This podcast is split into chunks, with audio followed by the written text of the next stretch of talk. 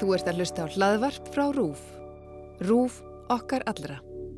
Þetta er Þú veist betur um kjarnorku. Fyrri hluti.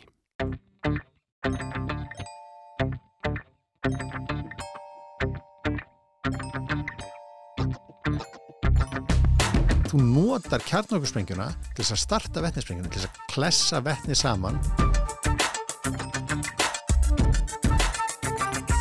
Það er eins og að sé sko varma gjafi eða hita gjafi inni í yðrum jarðanar. Í þætti sem ég gerði um rafmagn fyrir einhverju síðan nefndi Kári Hrinsson, gestur minn í það skiptið að frakkar væri með flest kjarnorkuver í heiminum sem kom mér á óvart á þeim tíma. Síðan þá hef ég verið að lesa mér til um allskynns tengt heiminum sem við búum í, allskynns efni sem leynast út um alla trissur og þá fattaði ég að kjarnorkuver eru til dæmis eitthvað sem ég veit að búið til ramagn. Ég veit að Homer Simpson vann í einu slíku og ég veit að þau geta verið hættuleg. Ég hef líka heyrt um kjarnorku sprengjur tímiður og ég veit hversu óhugnanlegan eðileggingar mátt þær hafa. En þó maður viti hvernig brú virkar, þá vil maður stundum vita hvernig hún er gerð, af hverju ég dætt ekki bara beint niður um hana, eða hvernig það er standasumar enn mörg hundruð árum setna. Svo hvað er kjarnorka? Hvernig býr maður til rafmagn úr kjarnorku? Og af hverju getur kjarnorka verið svona hættuleg? Ég fekk til mín Ágúst Valfells sem eins og kemur ljós eftir smá veit meira en flest um kjarnorku og hvað hún gerir. Áður en við förum í söguna og þar byrjum við á atóminu sjálfu, fáum við kynningu frá viðmannandanum sjálfum. Ég heiti Ágúst Valfells og ég er professor við verkfræðild Háskólands í Reykjavík og þar er ég bæða að kenna og stundar ansóknir og ég er mentaður uppálega sem vélaverkfræðingur og síðan fór ég út til bandaríkjan og lærði kjarnangverkfræði, tók doktorsprófið því, það var aldrei ætlunin, kannski er það erða þáttur pappi gamli kjarnangverkfræðingur líka sko, þetta er mjög algengt en það var nú ekki að því að eins og segir læri ekki að pappi vildi það sko, það bara slísaðist. Síðan eftir að hafa starfað út í bandaríkjan með nokkur ár, eftir útskrift, þá kom ég aftur til Íslands og vann inn orkustofnun aðeins og, og, og er svo búin að vera í HR núna í 17 ár, að svona gammal.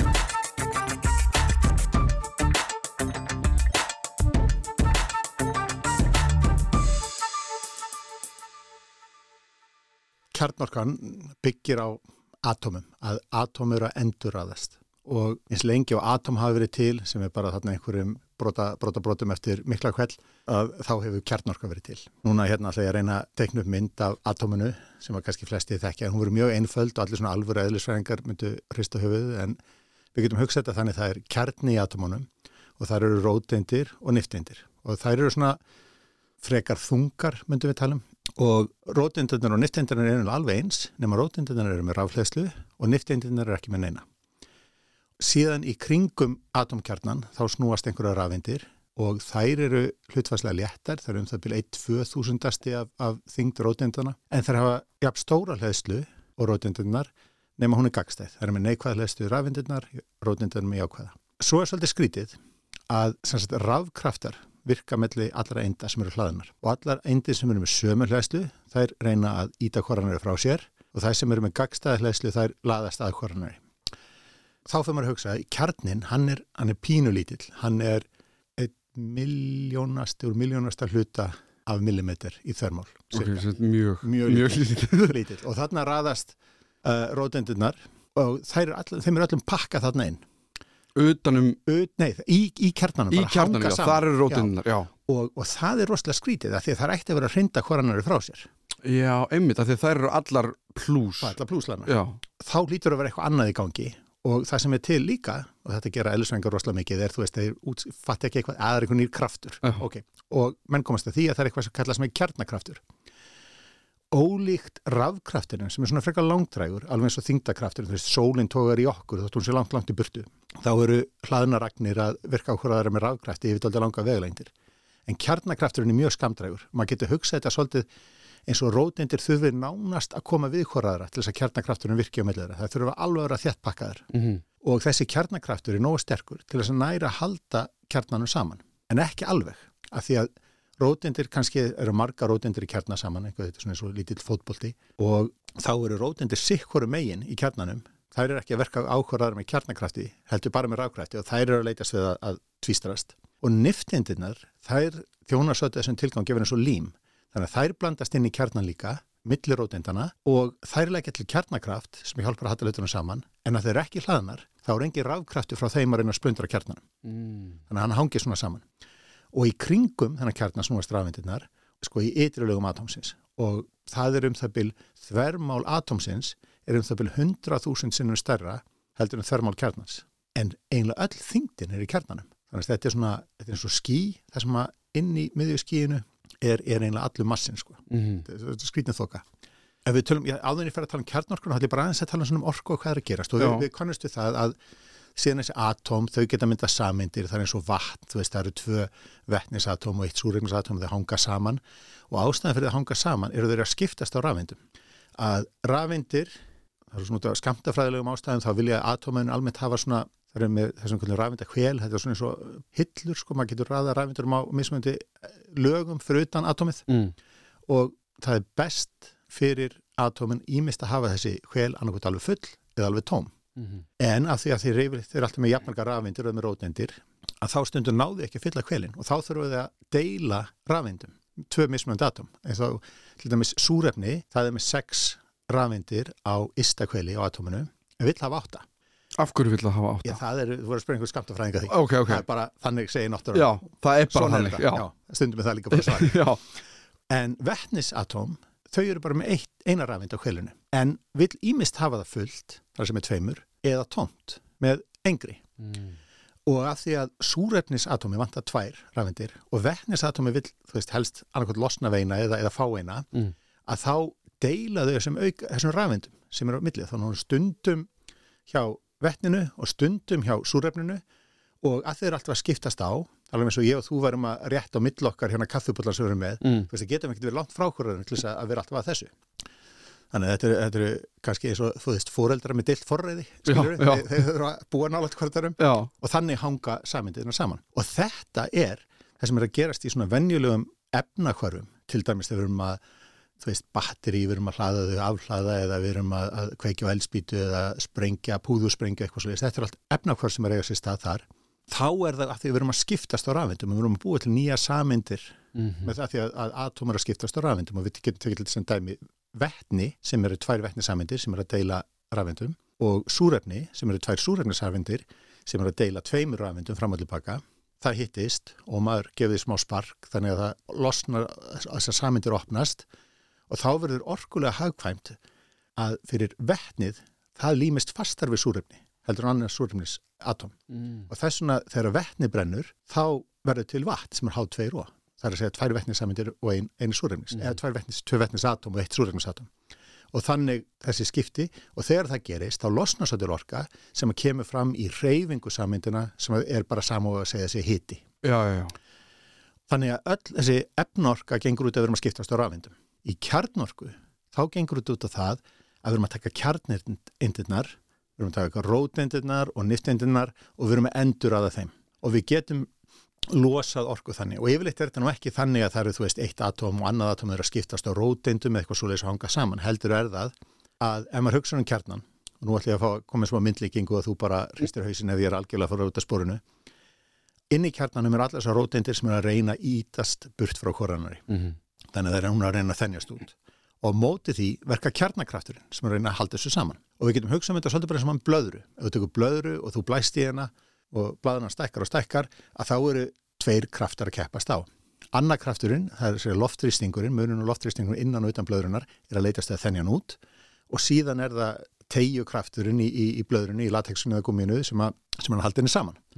Og þannig er kjarnin svolítið og stundum gerist það alveg sem einhver stingur gata á blöðruna þá rofnar og þá losnar þá verður Kvellur. kvellur og læra að losna sko orkan innan á blöðrun og kemur fram sem höggbylgja í loftinu sem bara kvellunin og hljóðið. Og það sama getur gerst í kjarnanum að við getum stundum komað einhverjum óstöðuleika þannig að einhver róteind eða, eða einhver önnur eind innan úr, úr, úr kjarnanum eða bara hlutu kjarnanum bara losnar nógu langt frá þannig að hann splundrast. Annarkvært sparkar hann út oftast er það ekki ein róteind heldur það er róteind eða, eða hérna það fer saman tvær róteindir og tvær nifteindir sem er sparkað út í kjarnan, það er kallað alfageislun. Mm. eða það er umbreytist hérna nifteind yfir í rafeind og róteind og rafeindin er sparkað út, það það kallar betageislun. Mm. eða stundum það er bara hrein orka í formi aflmikilla ljósindar, það kallum við gammageislun. Og þetta er allt leiðir til þess að losna umfram orku. Mm og þetta er bara eins og, og þetta er það sem við erum alltaf að skjá í náttúruna, þú veist að steitn eitthvað störp í fjálslíð og hann er stöðugur og situr þar en þú aðeins dunkar í hann mm. þá er hann að rúla niður og þá kemst hann í lægra orku ástand og, og þetta er í grundvallar aðtröfum það sem kjarnorkan er, það er bara þegar við erum að endur raða endum í kjarnanum þá losnar orka Þá sko er kannski næsta spurning hjá mér að því að þú nefndir alltaf þegar við erum að raða endur raða eða þannig var þetta í gangi í náttúr var náttúran að þessu Já. einhver staðar Já. Áður en að við föttuðum upp á að gera þetta. Algjörlega, náttúran er alltaf að þessu. Þetta er káttum við geislavirkni, Mhm. er þessi losun og orku úr kjarnanum. Og hún er allt í kringum okkur í náttúrunni. Og þegar ég segi við gerum þetta, þetta er kannski svolítið svona eko fyrir mannkinnið en, en, hérna stundum látum við þetta gerast en það er alltaf náttúran sem gerir þetta. Mhm. en stundum komum við þannig fyrir að við ítum undir það.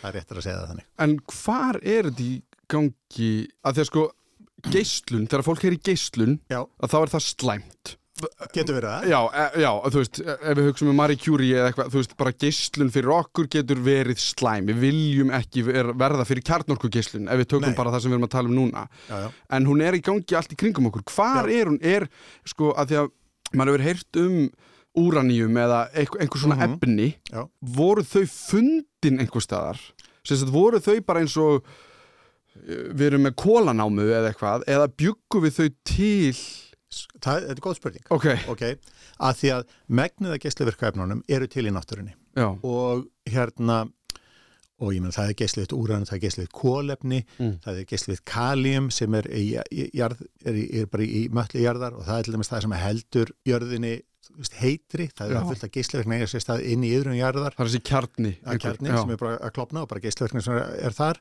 Jarðhittan okkar kemur, er í grundvallaratriðum kjarnorka.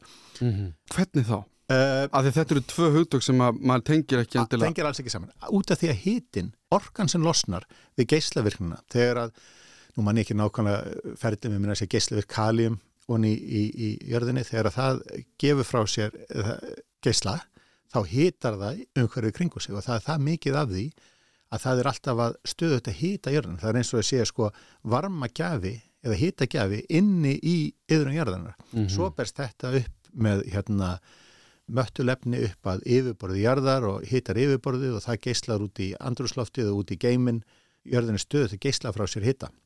Og jafnveg þetta sólar nýtt ekki við þá værum við líka. Mhm. meira að segja sólin sólin er knúin áfram að kjarnakvörum um kjarnasamrun og kannski tala eins meira um það á eftir Já, af því það var það sem ég var að fara að nefna eða sko, að nefna líka þegar þú nefndir að, að við erum að, þessi geislun kemur frá yðrum jarðar, bara Já. hvernig, bara sem kjarna Já. en við erum náttúrulega líka verða fyrir bara stanslausri geislun utanfrá já, já, já, alveg bara linnulaust og þú veist, þú varst að útskýra atóm mjög vel áðan mm. að náttúrulega, ég, ég held að allir viti það en það er náttúrulega allt búið til úr atómum Já. Þau eru bara allt, þau eru ég og þú og allt sem við horfum á og bara hvernig sem það er Já. og þau eru líka allt sem við horfum á út í geim menn þetta er allt atóm bara einhvers konar magna af atómi sem við höfum enga hugmyndum Jú, nema niftindastjörnum, það eru svona super niftindum, það er ekki atom Já, ok, Ok. okay. Uh, Nei, ég, ekki- ég tala við Sævar Helga um það, já. já, okay. en svona nokkurn veginn en ef við fönum þú í, ok, þetta er búið að vera í gangi Mhm. og þetta er það sem bara náttúran Mm -hmm. er að gera Já.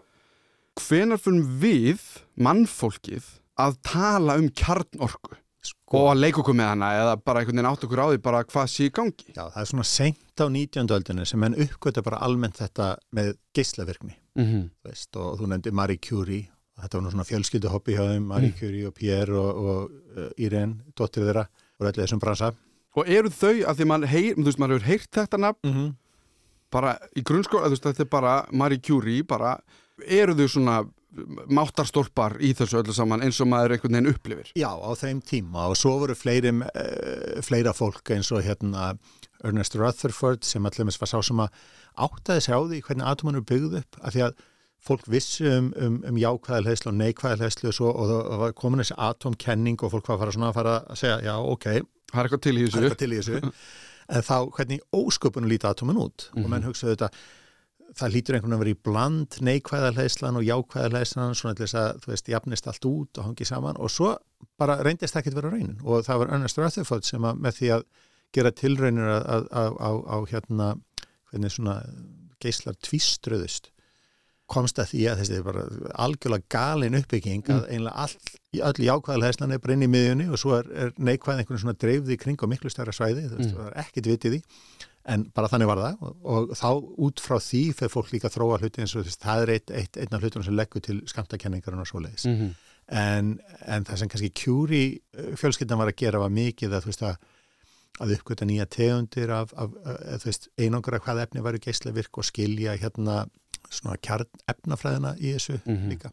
Og er það þá partur af því er að finna bara efnin? Að við tökjum eitthvað lótukerfið Já, já, að bara finna ný efni og Já. hvaða geislun þau hafa. já, Já. já. Þetta, þú veist, eins og radion, radon og radium og þú veist, nöfnin að byrja þetta með sér. Hvaðan funduðu þessi efni? Þetta kom, nú er ég komin á svona hálan ís, sko, en, en þetta var sumt af þessu er fundið í, í þú veist, einhverjum, einhverju byggblöndu, sko, Mhm. sem er, en þetta er bara spurningum með einangraða og, og, og, og get, þannig að það sé orðið mælanleg stærð, sko, þú getur sagt það er þetta efni, veist, það sem veldur þessari geislaverkni og fólk vissu þetta ekkert hvað geislaverkni var fyrst. Það bara, það var eitthvað dölu þú er með úræðan grjót og svo ert með filmu þarna einhver staðar í, í, í skúffunum við liðin og allt í hennu verið hún upplýst, skilur Mhm. það var einhvern veginn þannig sem að, sem að geislaverkni uppgötaðist fyrst mann skildi ekki hvað var að gerast og fara að rannsaka það og þá þannig eru klárlega einhverju geislar sem hafa áhrif á, á, á ljósmyndafilmuna sko. Mhm.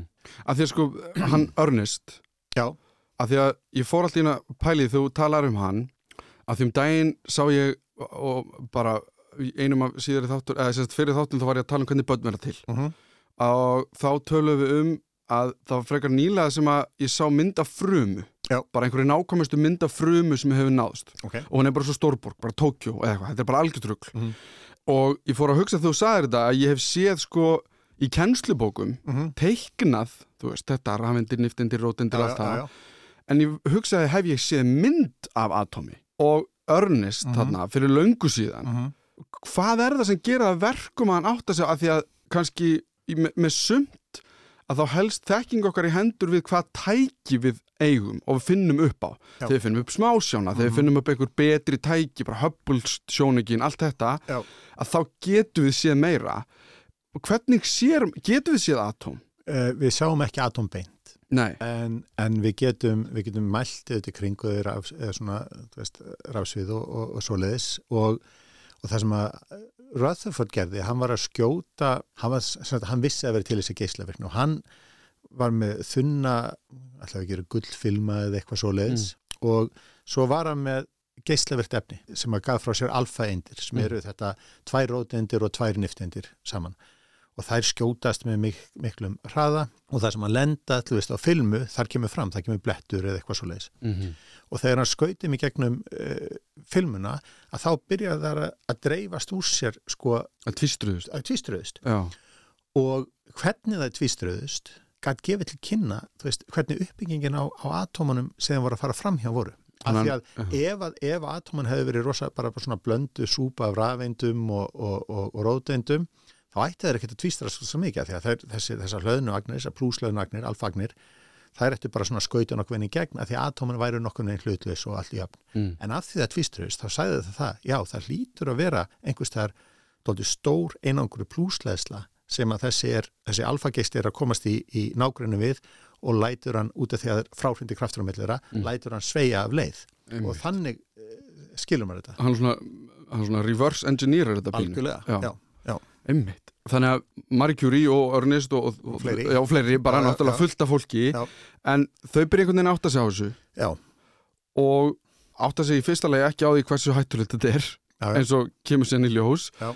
en hvernig er einhvern veginn okkar síðan vinsla með bæði hvernig við tólkum hversu hættulegt Mhm. þetta er og líka hvað við getum gert við þetta. Já, ok, það kemur svo svolítið eftir. Svo, við erum alltaf að tala um Einstein einu sinni, jú, jú. þannig að það er er í andu MC öðru jafna, sem að tengi saman efni og, og orku. Og menn fóru að skoða í kjarnakvörf þannig að þú er kannski með eitthvað eitt efni hérna, og, og það, gef, það síðan gefur frá sér geisla. Það gefur frá sér einhver alfagn. Og síðan séru þingdin á þessu frumefni eða atomi áður en að geislavirki atbyrðun átti sér stað var einhver hér, einhver bara þingd A Mm. og svo gefur hann frá sér segjum alfageisla og eftir situr eitthvað annað efni sem er þá annað frumefni af því það er með, mis, þú veist, atomið er búið að breytast úr einu frumefni yfir annað, það er búið að losa við sig við rótindir og það sem Mm. einnkynni frumefni, atóm, hvaða frumefni það er, er fjöldi rótindir. Já, þannig að, það- já, þannig að það er bara búið að þú ert breytast. bara að breyta um efni, það er, að, það er að breytast úr einu efni yfir í annað. Mm. En síðan tekur þessi, þetta atóm sem var nýja atómið sem var til og alfageislan og tekur saman massan á þeim tveimur og leggur hann saman, þá kemst það því, já, það er aðeins minna heldur en massin á upphaflega atóminu.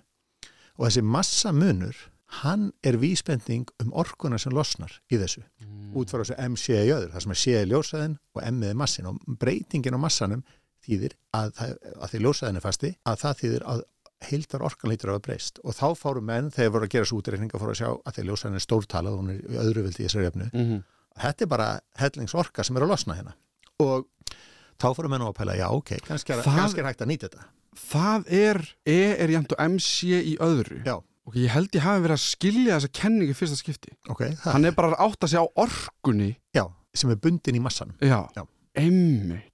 Og, Og af hverju var hún svona, þú veist, að við vitum öll, sko, Einstein er merkilega heldur en fólk með þess að heldur hann hafi já, verið. já, já, já, ma- bara, já, Já, emitt að því að hann er svo fyrsti sem átta sig bara á orkunni í hlutum, eða hvað? nei, hann, hann er ekki beint þannig hann, því að þessi kenning hún er svo fræg, sko, já, já, að ég reyna að átta mig á því, sko, hvað var, í hverju voru ströngkvörfin falin? ströngkvörfin þar eru svolítið fólkin í þessu að, að, að afstæður hraði og afstæður reyfing hluta hefur áhrif á hvernig við skinnjum það. Það er að segja, ok, þegar Einstein var bæðið með þessum kallum sértæku afstæðiskenninguna og svo almenna afstæðiskenninguna Eh, og er jæmt að MC öðru sprettur út úr sértæku afstæðiskenninguna og hún gengur út á það að þú ert að segja, ok, ef ég er með tvo hluti og þeir eru, hafa, hafa sumur hröðun, þar að segja þeir eru í sam, hröðun er, er mælikvarða breyting á hraða, Mhm. alveg svo hraði er mælikvarða breyting á staðsynningu og, og ef þú ert í, í að byrja fólk hluti saman og þeir eru að reyfast um ekki ferð að þá skipti máli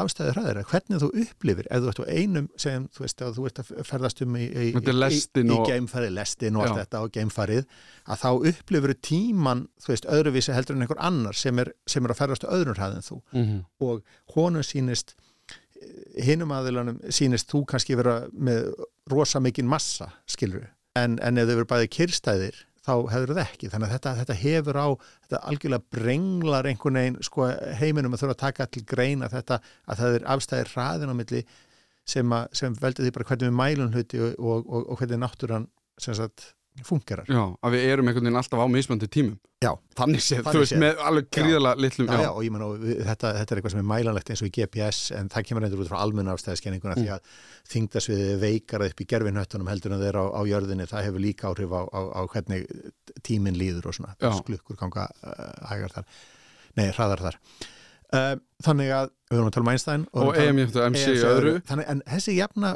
í raun og veru var til þess að því menn gáttu þú veist mælt þingd og, og, og, og svona á þessum ögnum, þeir fóru að sjá að það væri rosalega orka bundin í, í þessu í þessari geislaverkni Mm. og síðan fóru menn svona stúdera hitt og þetta. Og eitt af því sem komist að var að uppgöta það sem við kallum kjarnaklopnun og það er almennt þessi alfa, beta og gamma geislun að þá, þú veist, gefur þau frá þér og þú er mjög vel skilgreindar eindir en kjarnaklopnun getur á sér staðið þú ert með stórt atóm, stóran atóm kjarna með fullt af rótendum sem eru að reyna að slíta hann í sundur og niftindin er að ströggla haldunum saman og, og, og svo veist, kemst eitthvað að róta á hann og þá, þá næra hann bara að klopna í tvent Mhm. og það er svona gríðaleg orka.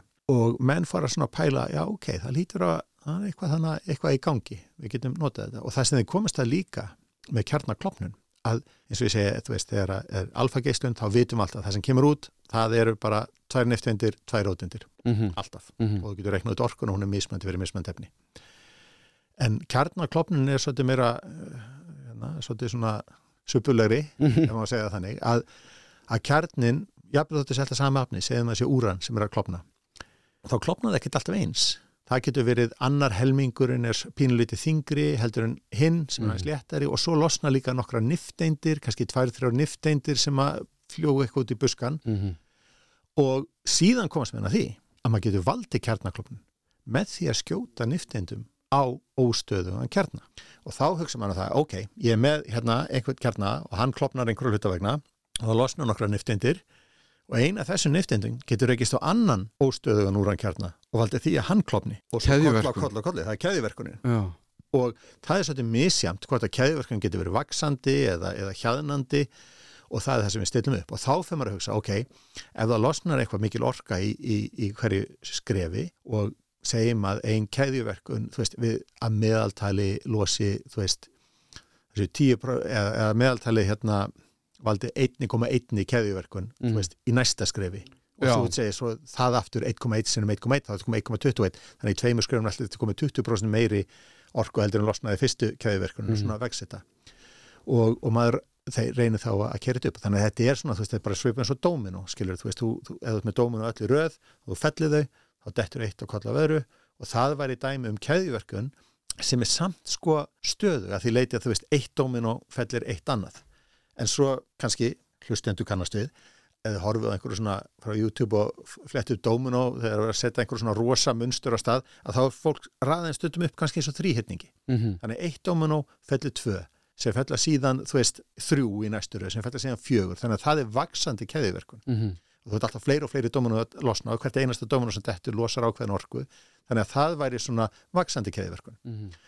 og menn komast að þessu og nú mann ég ekki nákvæmlega aðeins að bregðast að ruggla saman öllum þessum þjóðurum sem voru hérna að, í þessu en það voru Þú veist, að því að þú nefnir hvenar er þetta? þetta bara, er, þú veist Þetta er fyrir, fyrir setni heimstyrjöldina Já, já, þetta er kringu 1930 Já, upp ok. á 1930 og þá eru þarna hvað, Fritz Hahn og Lise Meitner minnum mig sem að hafi já, hann var annarkvæmt Otto Frisch eða Fritz, að einhver þjóðveri mm Mhm. og, og Lise Meitner sem var líka þýsk að þau, þau hérna uppgöta þetta með þetta fyrirbreyði um, um kjarnaklopnun Og þú nefnir að þú segir sko mjög stór atóm Já, þau eru samt rosalega lítil Já, sko. ég, ég, ég, ég, ég veit það, en Já. af hverju eru þau svona stór til að byrja með? Er það bara, er það bara í hlutanins eðli? Er úraníum já, úra, Atóm- já, úraníum atóm er með 92 rótendir mm og allt í allt hann eitthvað 235 eða 238 kjarneindir það, það er svolítið misjant sko þegar, eins og ég segi, sko frumefni, það sem ákveður ákveður hvaða frumefni er, er, atóm er Mm. það er rótindafjöldin og, og og sami fjöldi rafinda þannig að, að vetni er með eina róteind helium er með tvær veist, Það er lótukerfið það er lótukerfi, Já. kólefni með sex en fjöldi nifteinda sem eru klastraðar utan á þessar róteindir, það getur verið svolítið breytilegt. Þannig að til dæmis úran með 92 róteindir, það getur verið með alls algengustu fyrirbreyðin eru úranín 238 sem er 99,3% af öllu úrani í alheiminum. mm.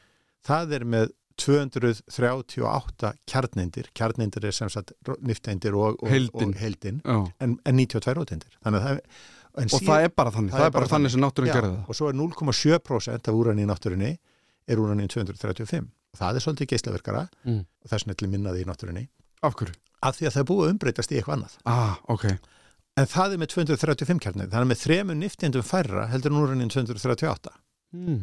Og þetta kallum við samsætur að það er sitja á sama stað í lótukerfinu Mm en eru samt svo döðruvísi mm. -hmm. það er með algjörlega sem efnafræðilegu eiginleikara en kjarniðinleikarnir er svo döðruvísi og bara þetta að hafa þrjár mismunandi niftendir það breytir stöðuleikanum og Mm. annað efnið er það sem kallum kjarnkleift, það þýðir það líklegt til þess að undirgangast kjarnaklopnun en hitt er, er, er, er ekki, er svona frekar stöðugt Og hvort er hvað? Úraníum 235 er kjarkleifa ég vona ég hafi farið rétt annars er pappi gamla einhver starf að hlusta sig meiri vittlesin í dyrkunum, það veit ekki neitt. En, en, en, En, en hvar finnast þessi efni? út um allt, út um allan geim, en í jörðinni að finnum við þetta aðalega í, í, í hérna veist, eldra bergi, þetta við finnum þetta í Ástralíu, Suður-Afriku, Við Rúslandi Við erum að er já, já, þetta er þetta er bara í, í jarðskorpunni já, þannig að, einmitt, þannig að þau fundu þessi efni í einhverju bergi já, já, já, eða einhver, já, einhver já, slíku, já, Og, já, já, og einhvern veginn náðu bara að, að hérna, skilja þau að já, þú bara notar efnafræðilegar aðferðir til þess að, að nú kann ég ekkert í efnafræði, Mm. efnafræðingar eru snillingar þess að taka einhvern graut af efnum og svo bara, að bara skipta sér því svona reyna ströma, bara algjöru snillingar já. Já. Og þarna voru þau að finna hluti sem eru núna bara í lótukerfinu Mhm. og við þekkjum mm -hmm. þau sem mun eftir lótukerfinu bara hérna á sínum stöðum þar eftir, eftir þessu sem þú veist að lýsa. Og þetta er 1930 Eitthvað ish. Og, og síðan var annar einn ofur, einn, ég veit ekki hvað allir þessi snillinga komið, þetta er náttúrulega allt gríðarlega klárt fólk. Ein, það, var eitthvað rosalega eftir að gerast hann um aldamótin þegar, þegar börnum voru að vera til. Og Enrico Fermi Mhm. á Ítalíu í Róm hann fór að gera mælingar með nifteindir. Hann hafði mikið áhuga að skoða bæði geislu niftinda og líka hvað gerist ef þú lætur niftindir rekast á atóm, svona geislar atóm með niftindum mm -hmm. og niftindirna vikstverka svona frekar lítið við efni að þeir eru ekki hlaðnar, það er ekki með rafleyslu en ef það koma nógu næla, nálægt og nógu hægt upp að kjarna þá getur kjarnakraftinu gripið inn í og það er límast við. Mm -hmm. aftur hlustendur sjá hérna handarhefingar sem sker mjög, mjög vel út útvarpi þannig að hann var mikið að stúdira þetta og, og var einlega mest í sérfrængur heims í niftendum og svo þetta gerist það að, að eins og kannski er óþægilega líkt í dag einhver alls konar vindbelgir fara að taka völdin í, í Evrópu mm. og á Ítalíu er það Mussolini og, og Fermi bara yfirgefur Ítalíu og, og flist til Bandaríkjan og fyrir til að, að vinna við háskólan í Chicago og hann fór þá að vinna að áfram að sínum rannsóknum að niftindum þar en þá aftur var komið, menn voru búin átt að segja að þetta væri rosalega orka sem getur losnað Mm. og voru líka farnir átt að segja á því að það gæti komið þessi keðjuverkun og það væri hugsanlegt að búa til einhverja sprengju eða eitthvað svoleiðis en, en af því að það er alls konar vittlisengum í, í, í uniformum að að fara um þannig alltaf sigra heiminn sko, þá fara menn svona, það er ekki hátt með þetta Nei. skilur og fara að kvísla sér saman að, að, að, hérna, að þetta þurfum að rannsaka og, og það er eiginlega uppið við þessari svona Manhattan áallun sem að gengur út og að, að kanna hvað takt sér búin kjarnangarsprengju Manhattan Project Manhattan bara. Project en áður en það kemur til að þá eru menn að skoða veist, fullt af hlutum í gangi þar að þá var fermi að aðtöða getur búið til bara, veist, getur búið til svona kjarna kæðjuverkjun Mm. sem getur stýrt Mm -hmm. búið til sem sagt kjarnaopn að því að endanlega það sem þetta er að gerast og, og það er það sem að, getum kannski þegar við höfum talað meira um kjarn okkur verin og svo leiðis er að segja við erum að nota þetta sem hitalind, þetta þetta er orka sem losnar við, við þessa keðjuverkun og við erum að nota til þess að hita hluti alveg eins og þegar við erum að, að, að brenna kólum eða eitthvað svo leiðis, það eru efnahvörf og við erum að nota til þess að hita hluti Mm -hmm. og stundum búið til gufu sem við notum til þess að búið til rafmagn og það saman með kjarnorkuna.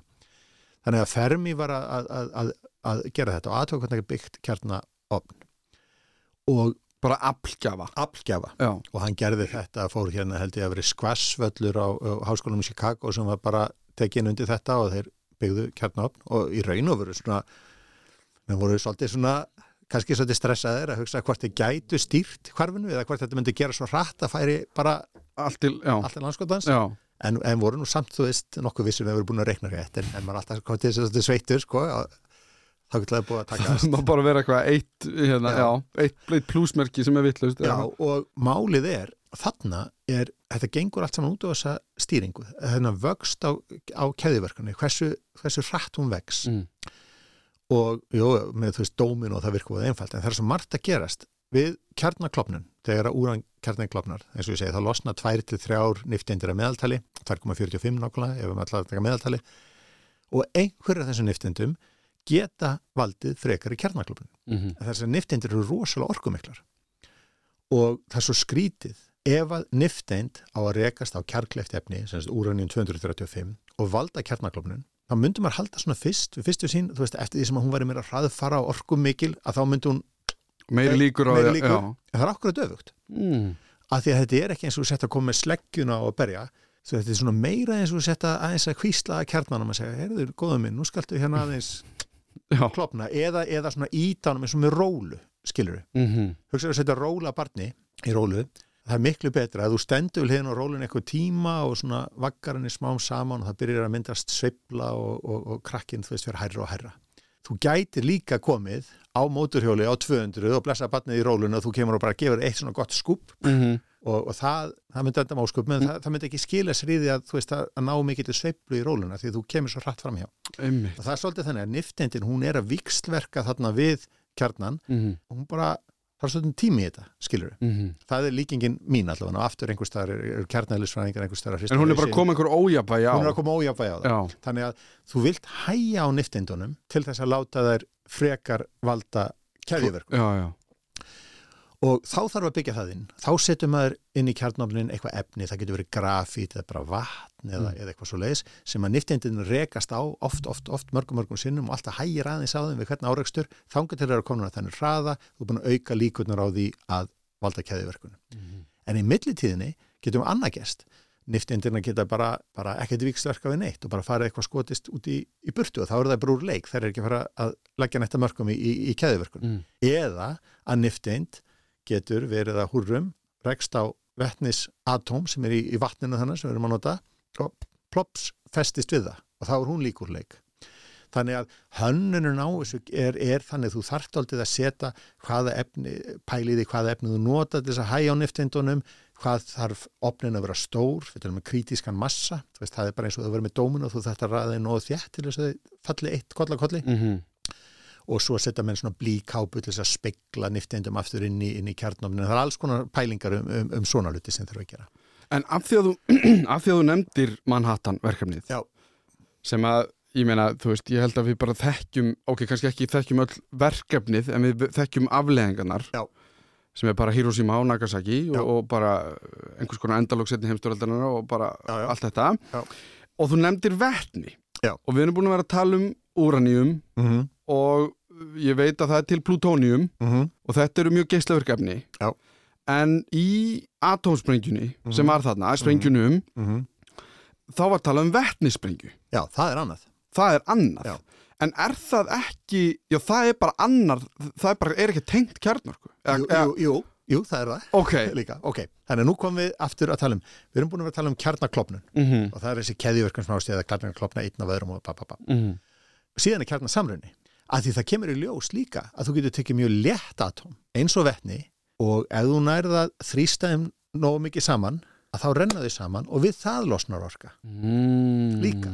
Þannig að öll efni, frumefni sem eru svona sirka léttar en járn, mm. þau eiga það til að, að, að hérna, renna saman, að vilja renna saman og losa þannig orku, en þau sem eru þingra en járn, og ég er að segja svona sirka aftur mjög óabyrt en eitthvað þarna í lótukjörfinu, Mm.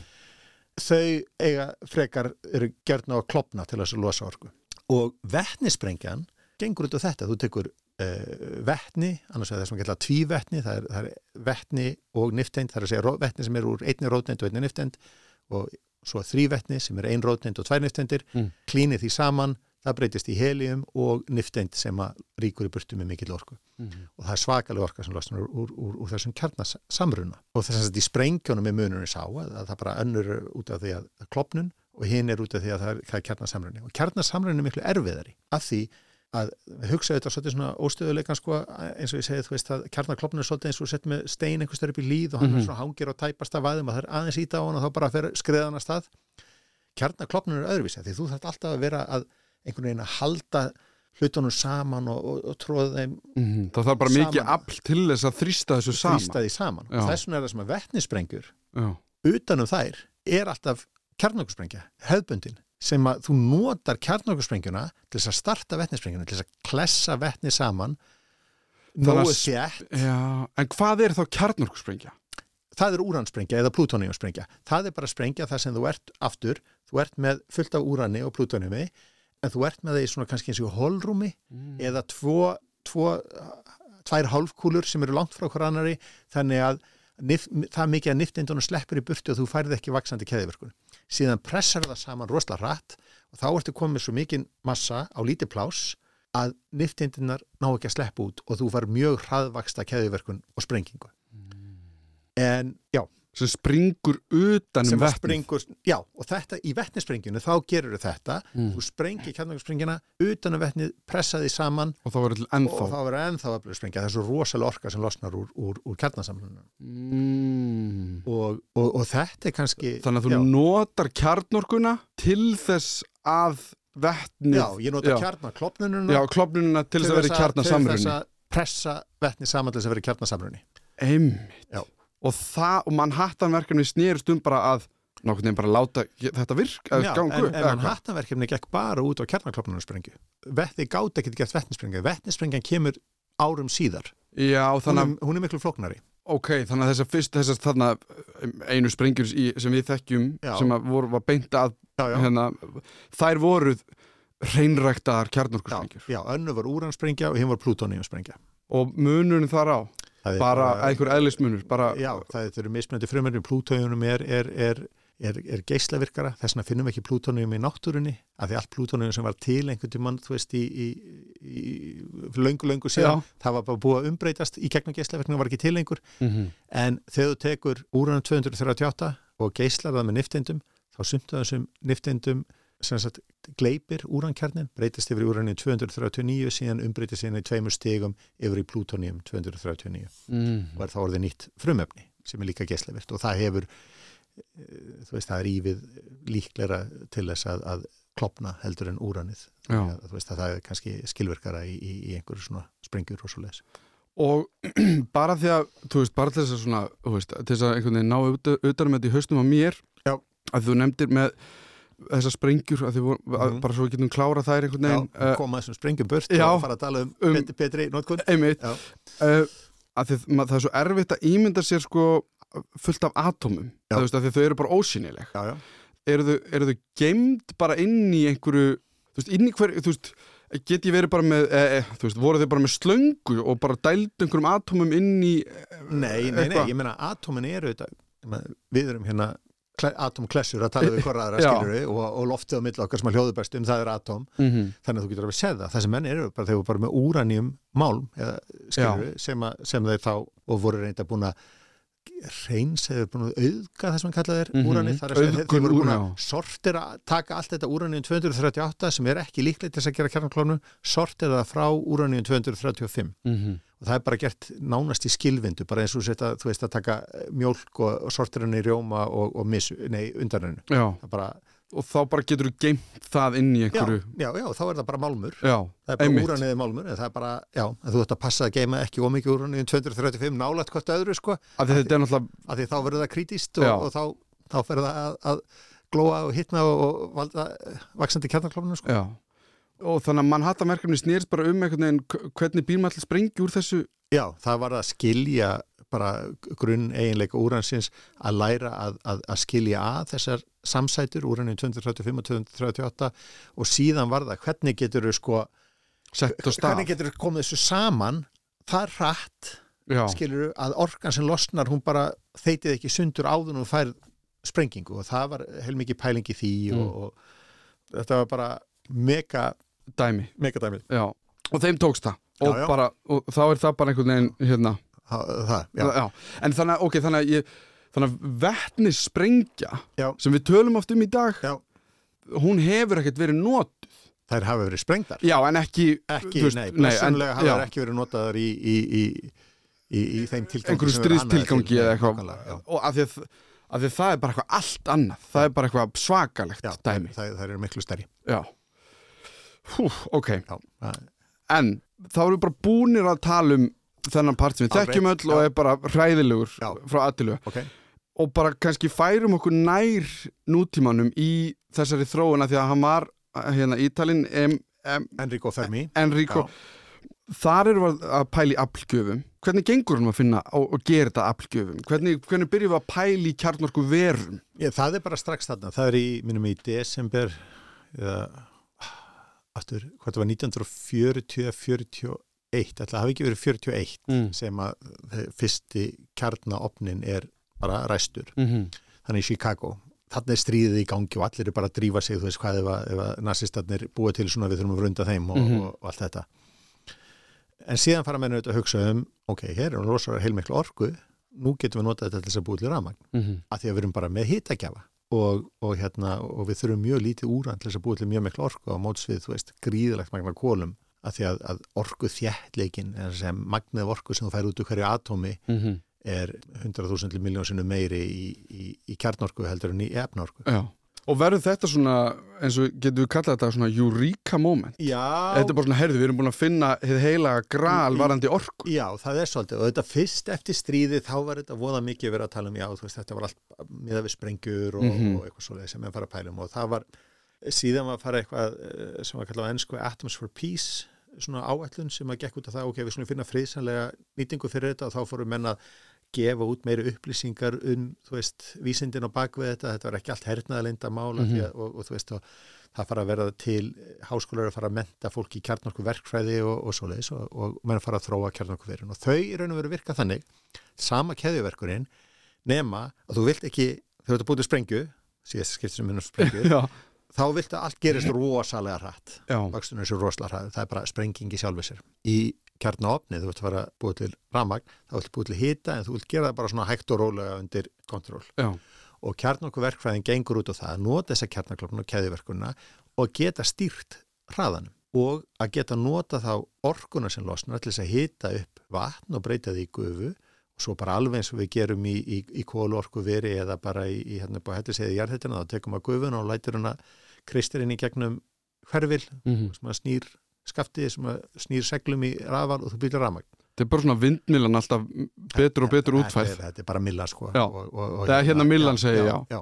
Þú veist, það er þetta heilmikil hönnun og pæling í því en í grundvöldar Þú veist, þetta er alltaf bara endurbæting á einhver, einhvers konar grunn hugmynd Já. knýjum eitthvað áfram Já. og út úr því verður til orka. Og, og þetta, kosturinn við þetta stóri er, er hvað er rosalega mikil orka í litlu efni mm þú losar með kjarnorku. Ókosturinn sá er, er, er nokkra ókostir. En einn kannski helsta ókosturinn sá að úranið og kjarnorku elsneiti það er ekkit rosalega geislavirt en þegar að það klopnar úranið þá klopnar það, við vitum ekkit nákvæmlega þú veist, hvaða efni verða til mm -hmm. við klopnum hvers kjarna og það er bara breytir, það er bara algjör hending svolítið, það er svona líkindadreifing sem segir okkur svona nokkuð já það verður til eitthvað svona líklegast að verður þetta efni og líklegast að verður annað frumefni eða samsetta Mm. og mikið af þessum frumefnum sem verða til, sem kjarnabrót það er að segja það sem að kjarnaðin er búin að klopna í tvent mikið af þeim eru bara þræl hættuleg. Nú ætlum ég að koma eitt hugtak inn í spilið, það er hérna helmingunatími, ok? Já, og helmingunum tími mæli hvað þetta? Segjum þú sért með kíló þúsund grömm af einhverju geislavirku efni bara A. Og svo er þetta svolítið svona hending veist, það er ekki fyrirsjánlegt hvenar geislanir koma út úr efninu. Það er bara svona, við veitum svona nokkuð meðaltæli hversu margi geislar koma út, þú veist, eða hvaða líður langt og hvað geisli kemur. Og svo sem þetta geislavirka efni A, það gefur frá sér alfa geisla bara til dæmis. Og þá það breytist tvær rótindir og tvær niftindir. Yes, yes, bara ok. tíu. Og þá verður til alfageisli og eitthvað annað frumefni B. Og við skulum bara þess að einfalda málinn ímynda okkur að frumefni B sé alveg stöðu, það er bara, það er ekkert geislavir mm -hmm.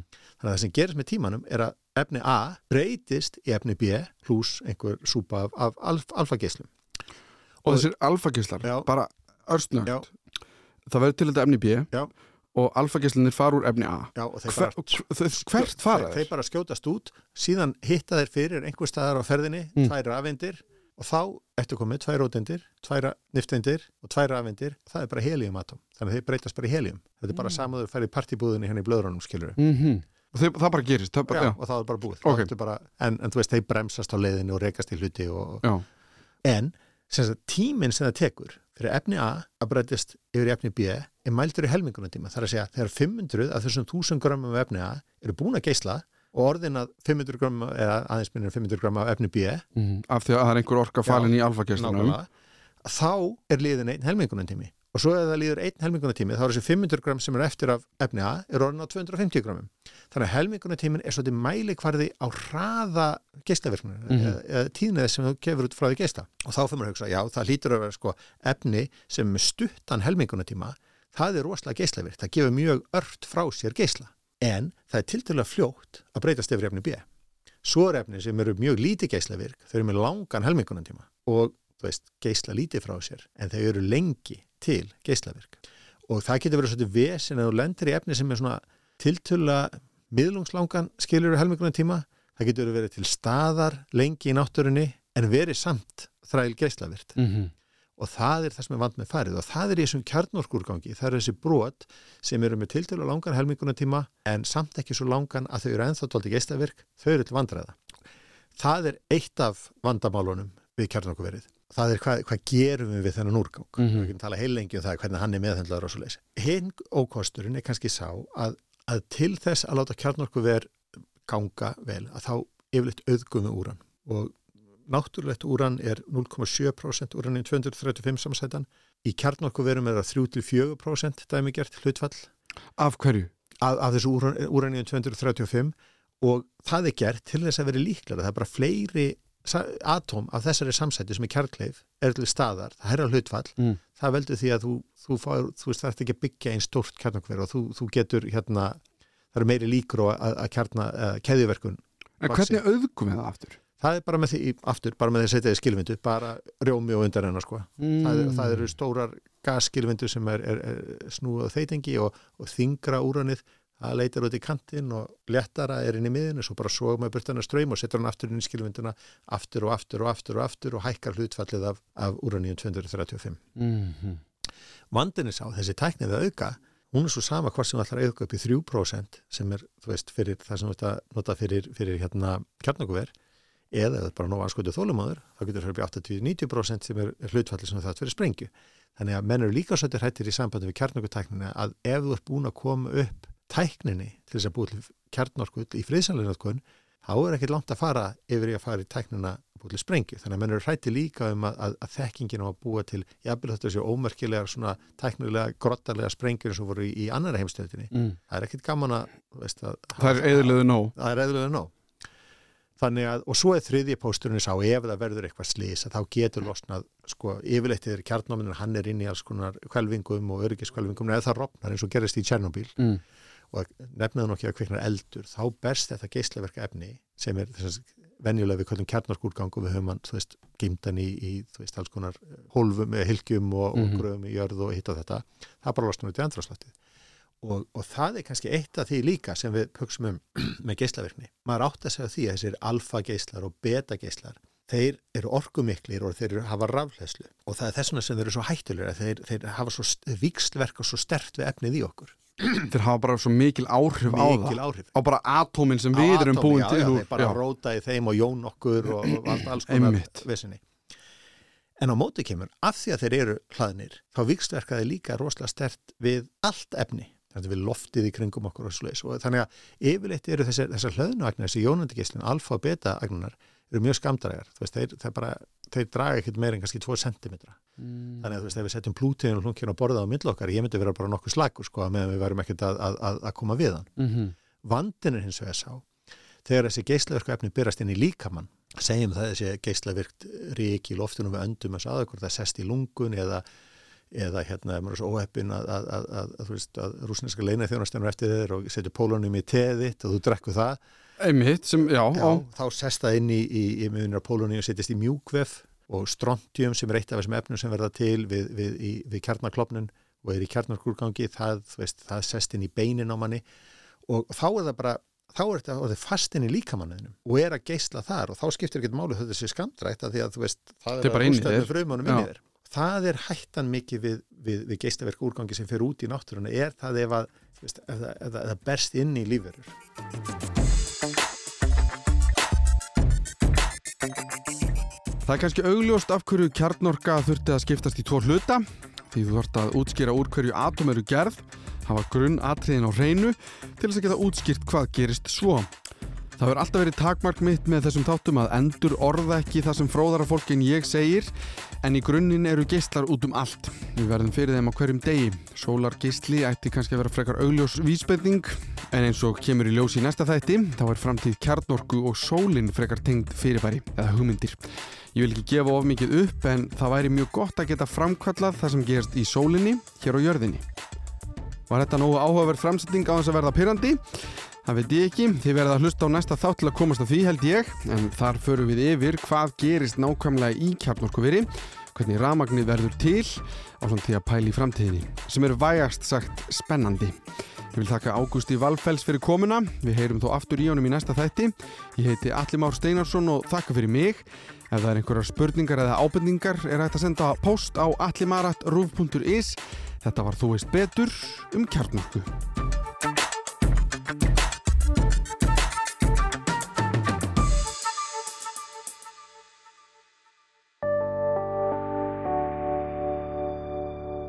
Rúf okkar allra.